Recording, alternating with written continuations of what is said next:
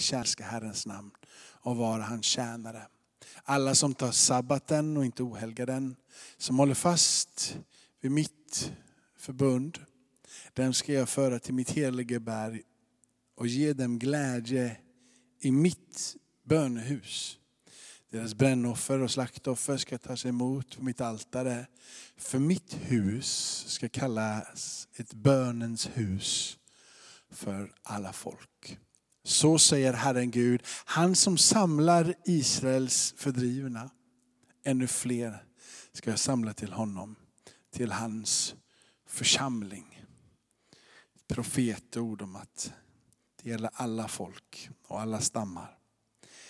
Så lyder Herrens ord. Gud, vi tackar dig. Lite frimodighet får, om jag får be. Lite sådär. Så här står det. Paulus skriver, kom ihåg. Vi läser där, Paulus episteltexten. Paulus, Paulus från Efesierbrevet. På den tiden var ni utan Kristus. Utstängda från medborgarskapet i Israel och utan del i förbundet med deras löften. Ni var utan hopp och utan Gud i världen.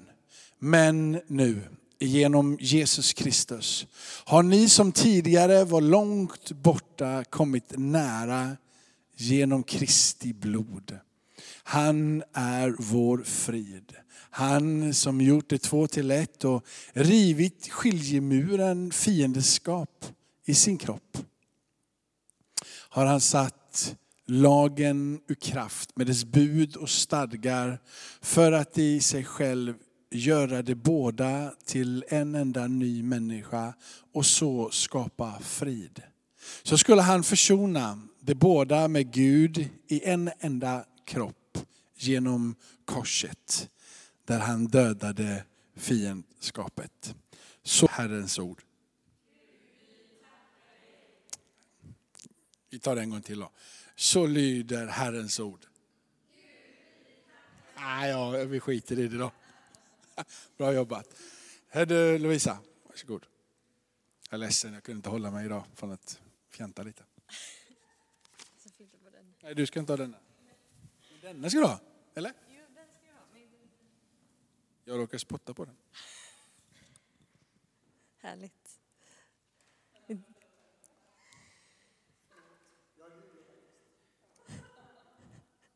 Hej.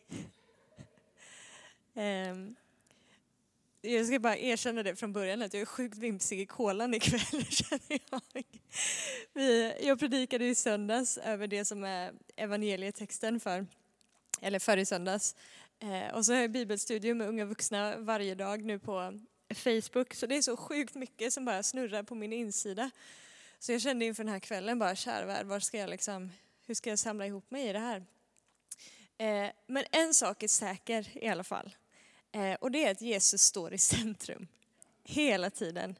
Ehm, och med unga vuxna nu, vi har ju gått igenom liksom påskens ehm, alla texterna från det att Jesus rider in i Jerusalem fram till dess att han uppstår, kommer vi landa i sen. Ehm, och det blir så tydligt liksom, att det är Jesus som är i händelsernas centrum. Han är epicentrum för allting. Liksom. Och det behöver man ju inte läsa just påskens berättelser i Bibeln för att förstå. Liksom, utan det talar ju Bibeln om ändå, att allting är skapat genom honom, för honom och till honom. Han är huvudet. Han ska dra alla människor till sig. Han är vägen, sanningen och livet ah, Gud jag vet inte vart jag ska gå, jag ser inte min stig. Ja, men det behöver vi inte för han är vägen. Bara vi ser honom så är vi fine. Liksom. Han, han är allt vad vi behöver. Christ is enough for me. Eh, och det är ju basic sanning liksom, men så lätt att tappa bort ibland. Att han bara står där i händelsernas centrum och är allt vad jag behöver. Det finns ingenting som kan tillfredsställa mig så som han kan. Ingen kan mätta mitt behov så som han kan. Ingen kan ge mig den liksom, friden på djupet så som han kan. Han är allt vad jag längtar efter. Han är min själs begär. Eh, jag predikade ju över evangelietexten för den här dagen i, i söndags så jag tänkte idag att jag skulle predika över det som är episteltexten. Eh, så vi kanske kan lägga upp den där igen från Efesierbrevet. Jakob läste den nyss men vi läser den igen för att fräscha upp minnet lite. Eh, på den tiden var ni utan Kristus, utan medborgarskapet i Israel och utan del i förbunden med deras löfte. Ni var utan hopp och utan Gud i världen. Men nu, genom Kristus Jesus, har ni som tidigare var långt borta kommit nära genom Kristi blod. Han är vår frid. Han som har gjort dem två till ett och rivit skiljemuren, fiendskapen. I sin kropp har han satt lagen ur kraft med dess bud och stadgar för att i sig själv göra dem båda till en enda ny människa och så skapa frid. Så skulle han försona dem båda med Gud i en enda kropp genom korset där han dödade fiendskapen. Fader, vi tackar dig för ditt ord som är levande och verksamt. Helige Ande, jag ber att du ville ge oss uppenbarelse, upplysa våra hjärtan ikväll. Att du ville levandegöra ordet på vår insida, Herre. Att våra hjärtan fick sitta öppna och mottagliga för det som du vill ge, Herre. Vi, vi vill göra så som vi sjöng om innan, att vi kommer med förväntan inför dig. Vad du ska tala, vad du ska föda fram i våra liv idag. Ber att du skulle måla Kristus för oss på ett Eh, förnyat, djupare sätt, Herre. Att vi skulle få vara ännu mer förundrade av personen Jesus, ännu mer komma tillbaka till Kristus som kärnan, Kristus som centrum, Kristus som allt vad jag behöver, Kristus som försonaren, Kristus som vid, Kristus som vårt hopp. Låt det ske så ikväll, i Jesu namn. Amen. Den här texten eh, pratar om försoning. Försoning genom Jesus, i Jesus, genom hans död på korset. Och det är liksom en tvådelad försoning som det pratar om. Det är försoning mellan Gud och människa. Och det är försoning mellan människa och människa. Det går åt två håll här.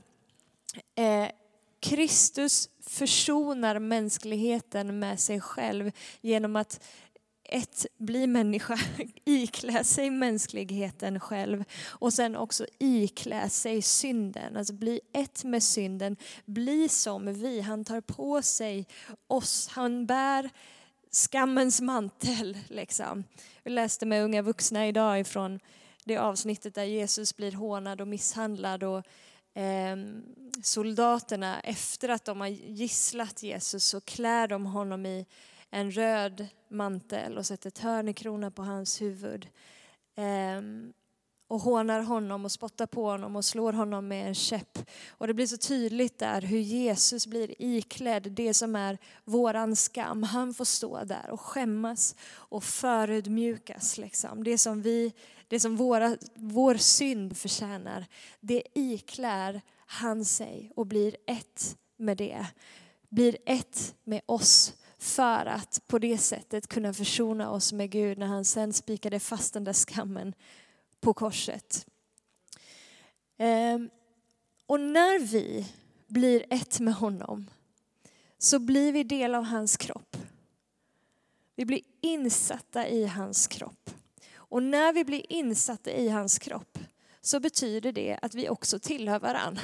Vi blir, vi blir försonade med varandra för att vi blir varandras lemmar. Vi alla tillhör en och samma kropp. Vi får alla del av ett och samma bröd. Ett och samma bröd, en enda kropp, en enda mänsklighet. Så vi blir försonade med, med Gud och med varandra. Försoningen som händer här på korset är både liksom vertikal och den är horisontell. Det finns krafter här i världen eh, syndens kraft och vad vi än vill liksom klä det med för ord. Men som, som försöker eh, skapa splittring, skapa separation. Liksom. Och det ser vi ju från början att synden har gjort, har skapat splittring och separation i relationen med Gud. Brustna relationer är liksom ett resultat av syndens inträde i vår värld. Eh, och den kraften fortfarande liksom vill, vill försöka hålla människor borta från gemenskapen med Gud. Och den, är, den kraften är verksam både i människor som ännu inte tror, men den försöker även med oss kristna liksom, genom att mucka med våra sinnen och få oss att tro att vi inte har frid med Gud. Liksom. Ehm, den här kraften skapar också splittringar mellan människor. Det skapar grupperingar, det skapar kategoriseringar där vi ser ner på varandra. Man försöker upphöja sig själv genom att ta spjärn mot något annat. Vi sätter olika etiketter, liksom olika epitet eller så på människor och på, på folkgrupper. Eh, vi har olika liksom, sociala klasser, så olika ekonomiska klasser, vi har olika etnicitet, vi har olika kön och allt vad det än kan vara. Men inget av de här liksom, mänskliga epiteten som läggs på oss finns ju i Gud. Liksom. I Kristus så, så finns det ingen åtskillnad i värde mellan människor. Alla har vi samma utgångspunkt. Alla står vi lika inför hans ansikte. Så det finns ingen åtskillnad i vilka som ges möjlighet att få tillträde till Fadern. Det finns ingenting det som är i vår mänsklighet, liksom. om det nu har med social klass eller vad det än kan ha att göra med. Liksom. Det finns ingenting av det som varken kvalificerar oss eller diskvalificerar oss i att få tillträde till Fadern. Det finns en annan som kvalificerar oss och han står utanför allt det. Och han är över allt det. När Kristus dör på korset så tar han på sig hela mänskligheten. Inte bara några, några få. Liksom. Han dör för hela mänsklighetens synd. Varenda människa som någonsin har levat och som kommer att leva. Han, han sväljer alla deras synder. Vilket innebär att vägen till Fadern, försoningen med Fadern, är möjlig och öppen för alla de som tar emot honom och som tror på hans namn. Alla de ger han rätten att bli Guds barn.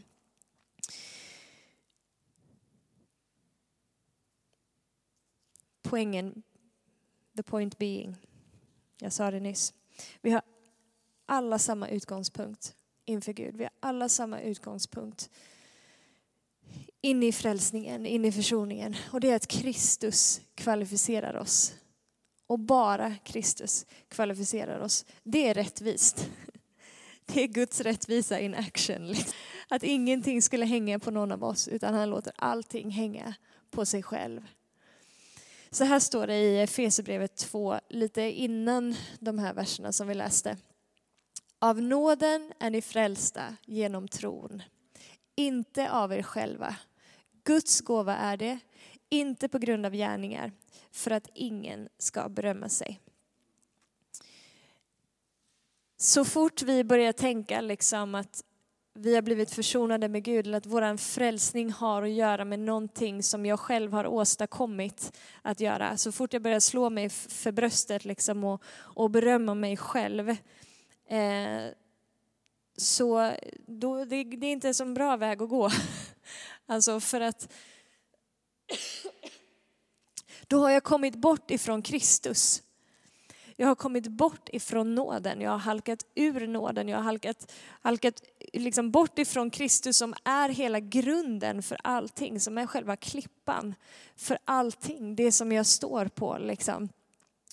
Eh, och vi kan ju, alltså vi, det, den här versen är ju sån som vi ofta liksom vet och har memorerat. Eller så här, och det är ju lätt att komma ihåg att när jag blev frälst så vet jag att det var av nåd. Men sen as we go about our Christian lives, liksom, när vi fortsätter att leva, så kan det vara en utmaning liksom, att, att eh, bevarade den här sanningen i sitt hjärta, att det är av nåd och nåd alena, att det är Kristus och Kristus alena, att det är han som är i centrum och inte jag. För det kanske börjar gå bra för mig liksom, och det börjar gå bra för mig i mitt kristna liv och så vill det smyga sig in lite grann liksom att min ställning inför Gud liksom har att göra med att jag nu faktiskt har lyckats liksom att läsa Bibeln så här mycket, eller jag har lyckats be så här mycket, eller jag har lyckats vara så här snäll mot alla de här människorna. Liksom. Och det är nog därför som Gud gillar mig. Liksom. Och så fort, det som händer då är att så fort jag misslyckas med alla de grejerna så blir min känsla att jag inte längre har samma rättighet att komma inför Gud. Jag tappar min frimodighet inför honom jag hamnar direkt, det leder mig in på en väg där jag hamnar i känsla av misslyckande, där jag hamnar i en känsla av skam, där jag hamnar i en känsla av fördömelse. Varför? Jo, för att det är helt plötsligt jag och mina gärningar som står i centrum istället för Kristus och Kristi gärningar som står i centrum. Eh, den här vägen i mitt hjärta, kommer, när, när det blir jag som hamnar i centrum och någonting som jag berömmer mig av i mig själv, liksom, kommer också ganska snabbt att leda mig in på en väg där jag eh, börjar liksom, jämföra eller kategorisera människor. Antingen att jag förhäver mig och tycker att jag är lite för mer, att jag är lite bättre för att jag har ju lyckats med det här och det här, jag gör de här och de här grejerna bra. Eller att jag tycker att jag är lite för mindre. Att alla andra verkar liksom vara mycket mera bättre, lyckade kristna än, än vad jag är. Och så försvinner hela min frihet och frimodighet inför Gud. Liksom. Så när jag hamnar i centrum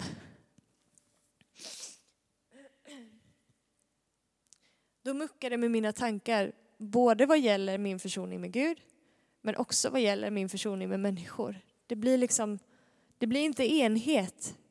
Det blir splittrat i min känsla, liksom, i mitt sätt att, att tänka. Så här har jag skrivit. Frid med Gud och frid med varandra. Försoningen alltså. De båda vilar på ett och detsamma. Kristi död och uppståndelse. Kristus är i centrum. Att ha Kristus i centrum i mitt liv blir avgörande för om jag kommer kämpa med religiösa tankar. Alltså det vill säga om jag har mig själv i centrum och tror att jag kan förtjäna mig till tillgången av hans närvaro så kommer jag snabbt att hamna i en känsla av misslyckande och fördömelse. Men att ha Kristus i centrum är lika med frid med Gud. Frihet som kommer med nåden, liksom, av att leva i hans nåd. Att ha Kristus i centrum blir också avgörande för hur jag ser på andra människor. Om jag tycker mig själv för mer eller för mindre. Om jag kategoriserar eller utestänger. Kristus i centrum är lika med frid med människor. För insikten finns då att vi tillhör samma kropp och vi har alla blivit frälsta på samma villkor. Av nåd genom tro.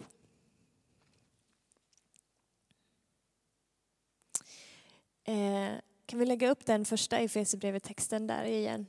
Efesierbrevet 2 och 14. Han är vår frid. Så han är vår frid.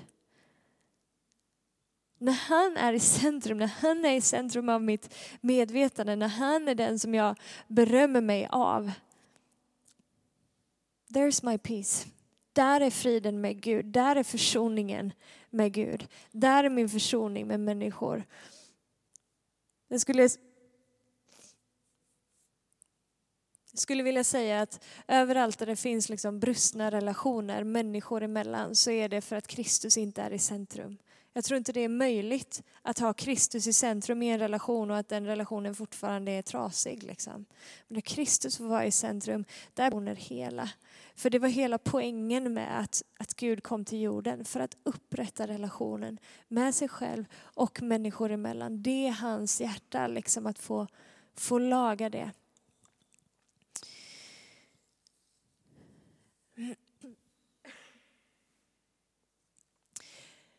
Temat idag är vägen till korset. Jag har inte pratat eh, ett dugg om vägen till korset.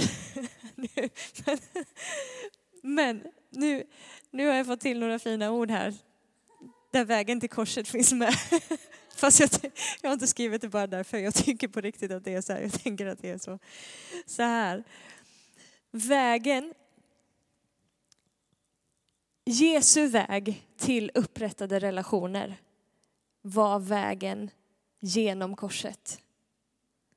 Han kunde inte ha upprättat relationerna mellan Gud och människa eller mellan människa och människa om han inte hade gått vägen genom korset.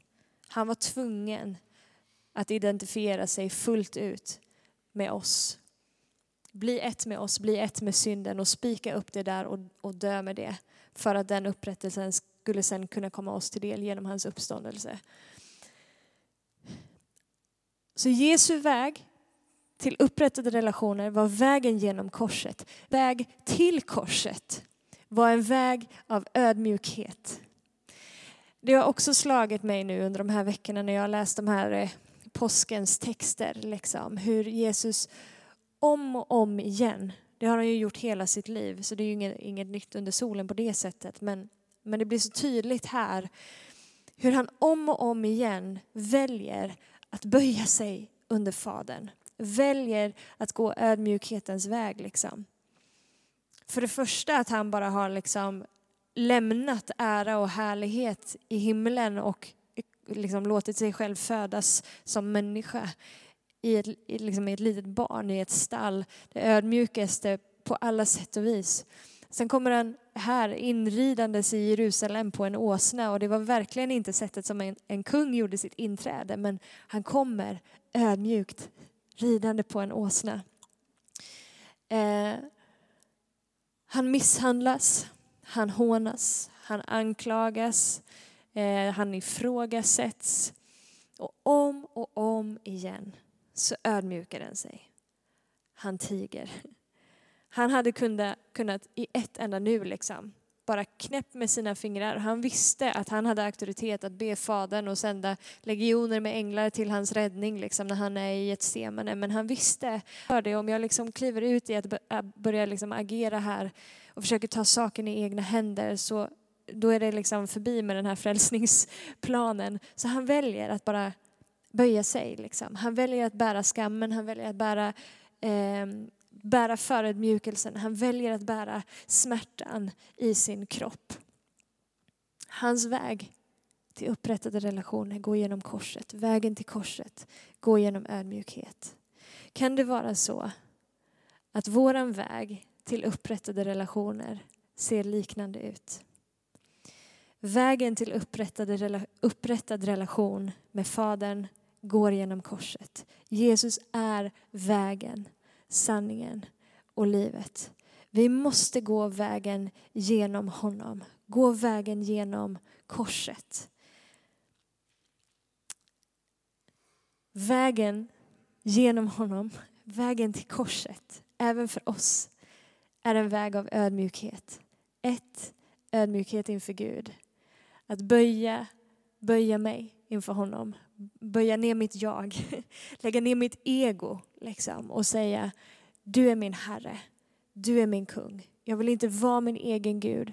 Jag kan inte och vill inte kvalificera mig själv. Jag, jag vill inte vara mitt eget centrum. Save me myself. Jag vill inte bygga mitt eget lilla rike här. Liksom. Jag vill inte ha jaget i mitten. Jag vill ha dig i mitten. Det är en väg av ödmjukhet, att böja sitt eget jag. Min väg till upprättade relationer med människor är också en väg av ödmjukhet. Som kommer, dels som en, det kommer som en frukt av att jag väljer att följa Jesus. Liksom. Där hans kärlek och förlåtelse och nåd får börja flöda först till mig men sen också genom mig till andra. Men i relation till andra, att kunna böja mig. Att kunna böja ner mitt ego, att kunna böja ner mitt jag. Att återigen liksom, i relation till Alma det är inte jag som är i centrum. Jag är inte universums mittpunkt. Liksom. Det, saker och ting behöver inte utgå ifrån mig. Jag behöver inte hävda min rätt. Jag behöver inte markera mitt revir. Jag behöver inte försvara mig. Jag kan böja mig. Jag kan böja mig, jag kan ödmjuka mig för att relationen i helhet med Alma är viktigare än att jag ska ha rätt. Det är viktigare än att jag får min vilja igenom. Det är viktigare att vi lever i försoning med varandra. Det är viktigare att jag väljer att leva i förlåtelse. Det är viktigare att jag väljer att ge vidare den nåd som Kristus själv först har gett till mig. Det är min väg till korset. Ibland smärtar den vägen, precis så som det gjorde för Jesus.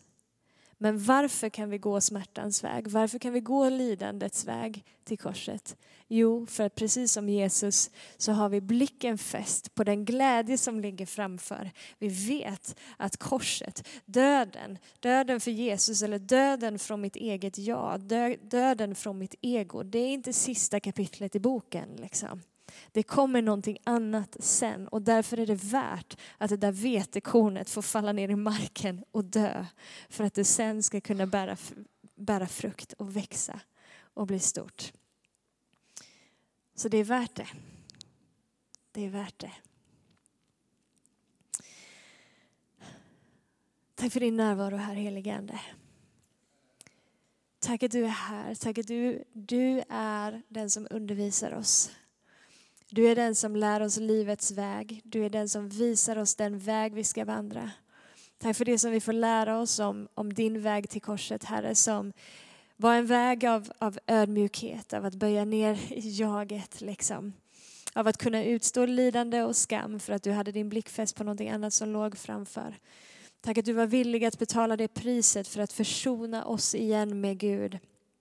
Tack för den uppassionen, Herre. Vi är så evigt tacksamma att vi på grund av det som du gjorde nu kan få leva i gemenskap med, med Gud. Vad skulle vi göra annars, Herre?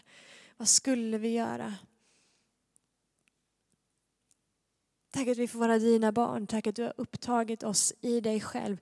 Inte på grund av något som vi har gjort för att vi skulle kunna berömma oss.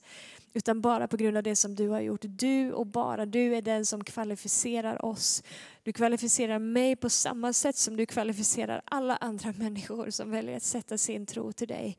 Du och bara du är vägen till Fadern. Och vi tackar dig Gud för den upprättade relationen. Vi tackar dig att det också innebär upprättade relationer med våra medmänniskor. Vi tackar dig att vi får vara del av någonting som är större än oss själva. Tack att vi är insatta i din kropp, att vi får vara varandras lemmar, att vi liksom tillhör varandra på det sättet, Gud. Och du som har försonat oss med dig själv har nu också gett oss försoningens tjänst. Gud. Tack att den försoningens tjänst får utkristallisera sig och bli verklighet i, i våra liv med alla människor som finns i vår närhet, som vi har runt omkring oss, Herre.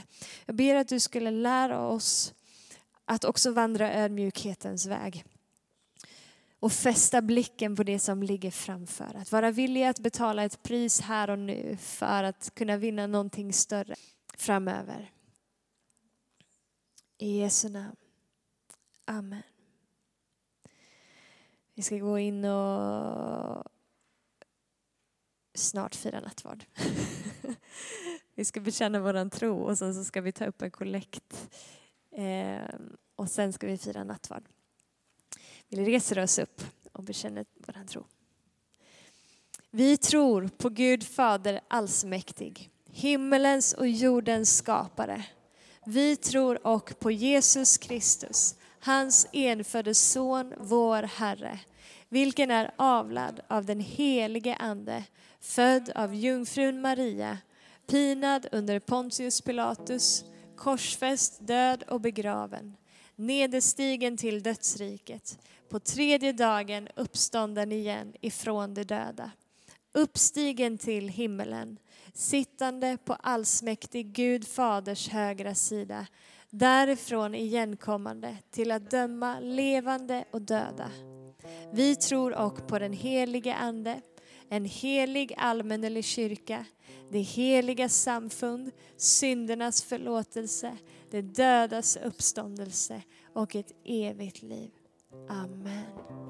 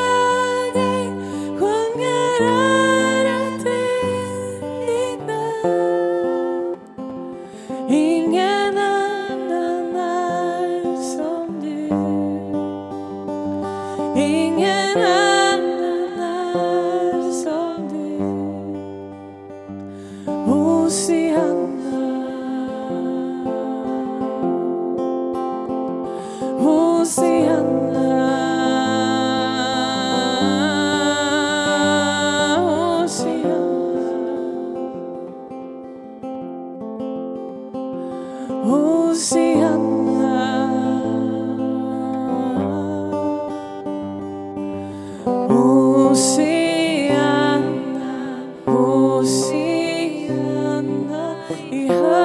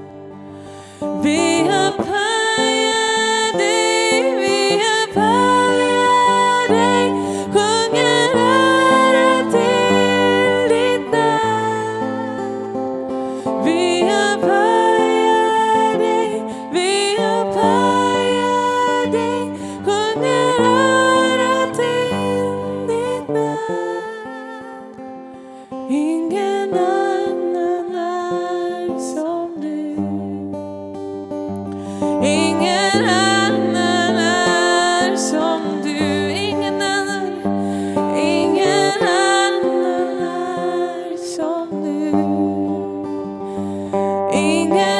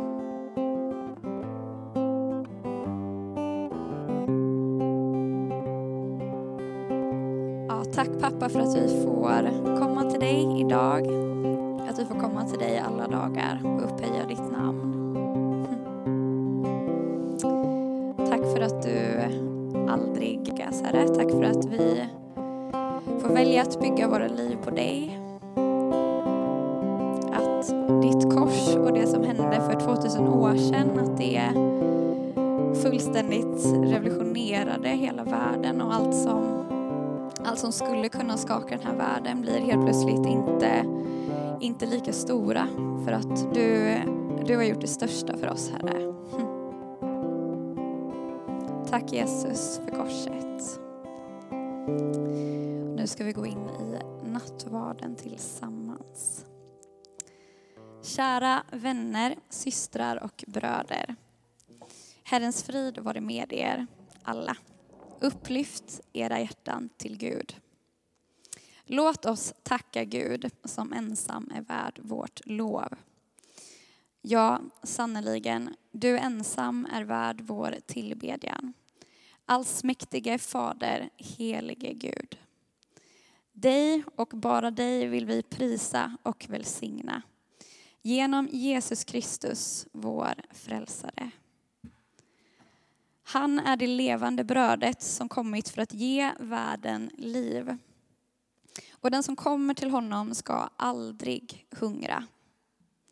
Och den som tror på honom ska aldrig någonsin törsta. Därför vill vi med dina trogna i alla tider och med hela den himmelska härskaran prisa ditt namn och sjunga.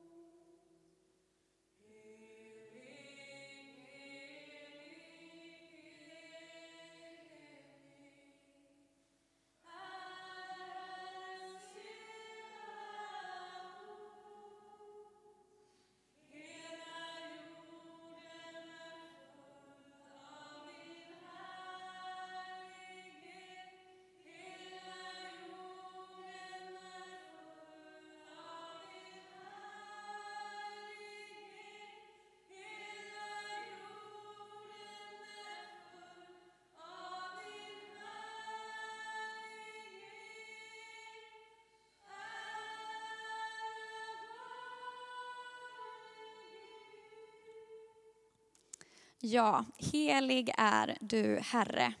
Hela skapelsen lovar dig. Du som ger liv åt allt.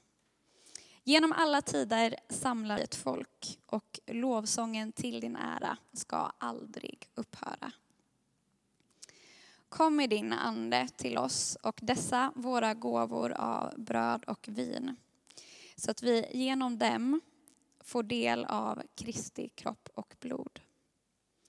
Den natt då han blev förrådd tog han ett bröd, tackade, bröt det och sade, detta är min kropp som offras för er. Gör detta till minne av mig. Likaså tog han också bägaren efter måltiden och sade, denna bägare är det nya förbundet genom mitt blod. Var gång ni dricker av den, gör det till minne av mig. Detta är trons mysterium. Kristus, din död förkunnar vi, din uppståndelse bekänner vi till dess du kommer åter i härlighet. Vi firar inför dig, helige Fader, åminnelsen av din Sons lidande och död, uppståndelse och himmelsfärd och väntar hans återkomst i härlighet.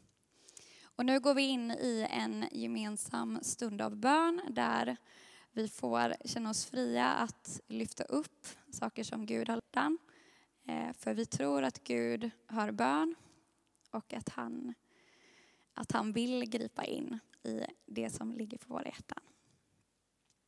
Så känn er fria. Tack Herre för att du bryr dig om vad vi, vad vi bryr oss om Herre. Tack för att du har allting i din hand. Att du aldrig skakas.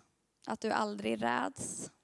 Att din trofasthet består i evighet. Tack för att vi får lyfta upp den här världen i en orolig tid, Herre. Du ser allt från de som styr Sverige, statsministern, vår regering, riksdagen, alla som är styrande på olika sätt, Herre. Tack för att du är med dem. Ber att du ska välsigna dem, särskilt i den här tiden. Ber också för vårdpersonal och andra som kanske är i frontlinjen. Ber att du ska vara med dem, att du ska välsigna de resurser som finns av saker som skyddar dem från sjukdom och också läkemedel, Herre. Hm. Tack för att du är med. Så känn er fria och be till vår Fader.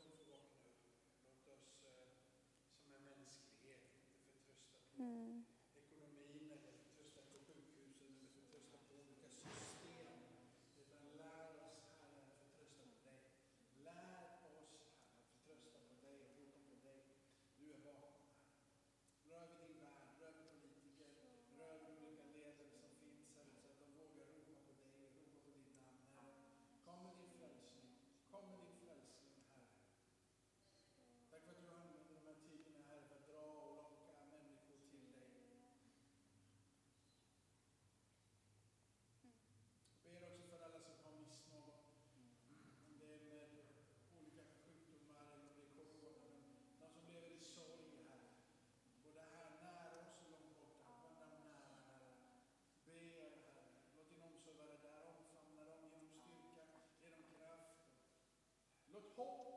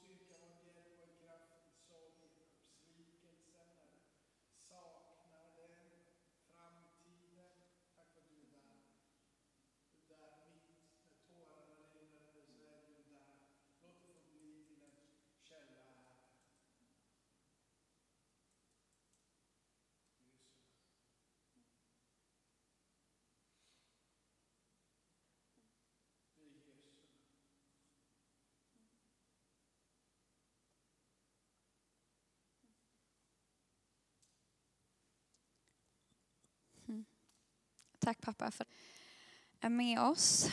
Tack för att du håller oss i handen i, i tuffare perioder och i glada perioder. Tack för att du alltid, alltid, alltid är med. Jag vill också lyfta upp de som de andra församlingarna i både Göteborg men också i Sverige, Herre.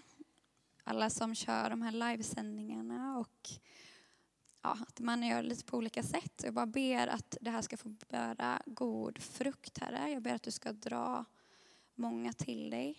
Att du ska förbereda ditt folk till att kunna möta människor i, i sorg, i men, olika former av livskris, eh, i längtan efter mening, Herre. Jag ber att du ska väcka oss, att du ska väcka din församling. Tack för att vi får stå ett tillsammans i dig, Kristus, Jesus. Mm.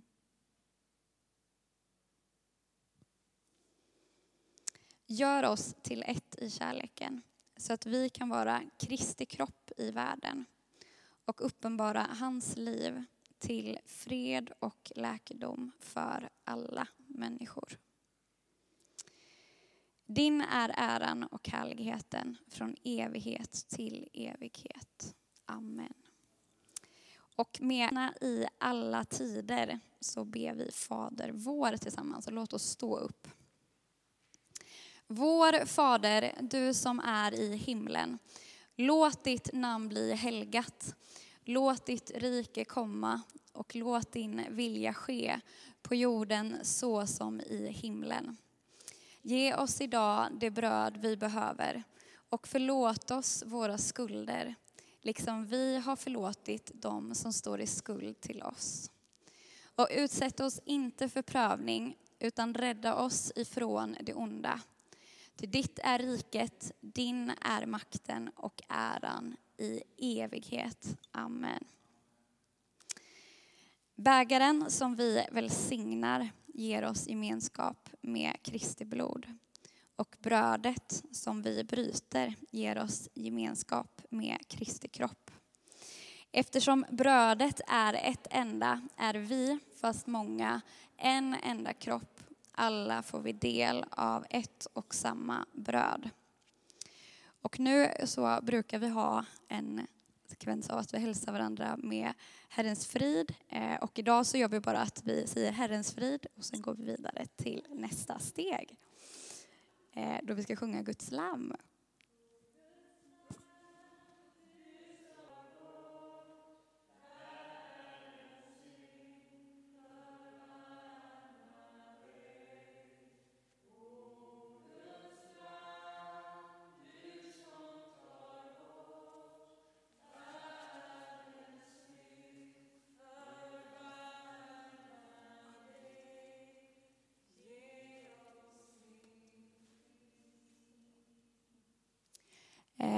Nu kommer vi att göra så som vi har gjort de senaste gångerna. Eftersom vi inte är så många så eh, testar vi att vi kommer fram och böjer knä här framme. Och så får man både en liten sån här kopp med lite vin eh, som är alkoholfritt och sen får man också en oblat i handen och sen tar vi alla nattvarden tillsammans sedan. Eh, och sen musikgänget, om ni kanske vill spela under tiden så kommer vi att dela ut det. här. Så allting är förberett. Välkomna fram.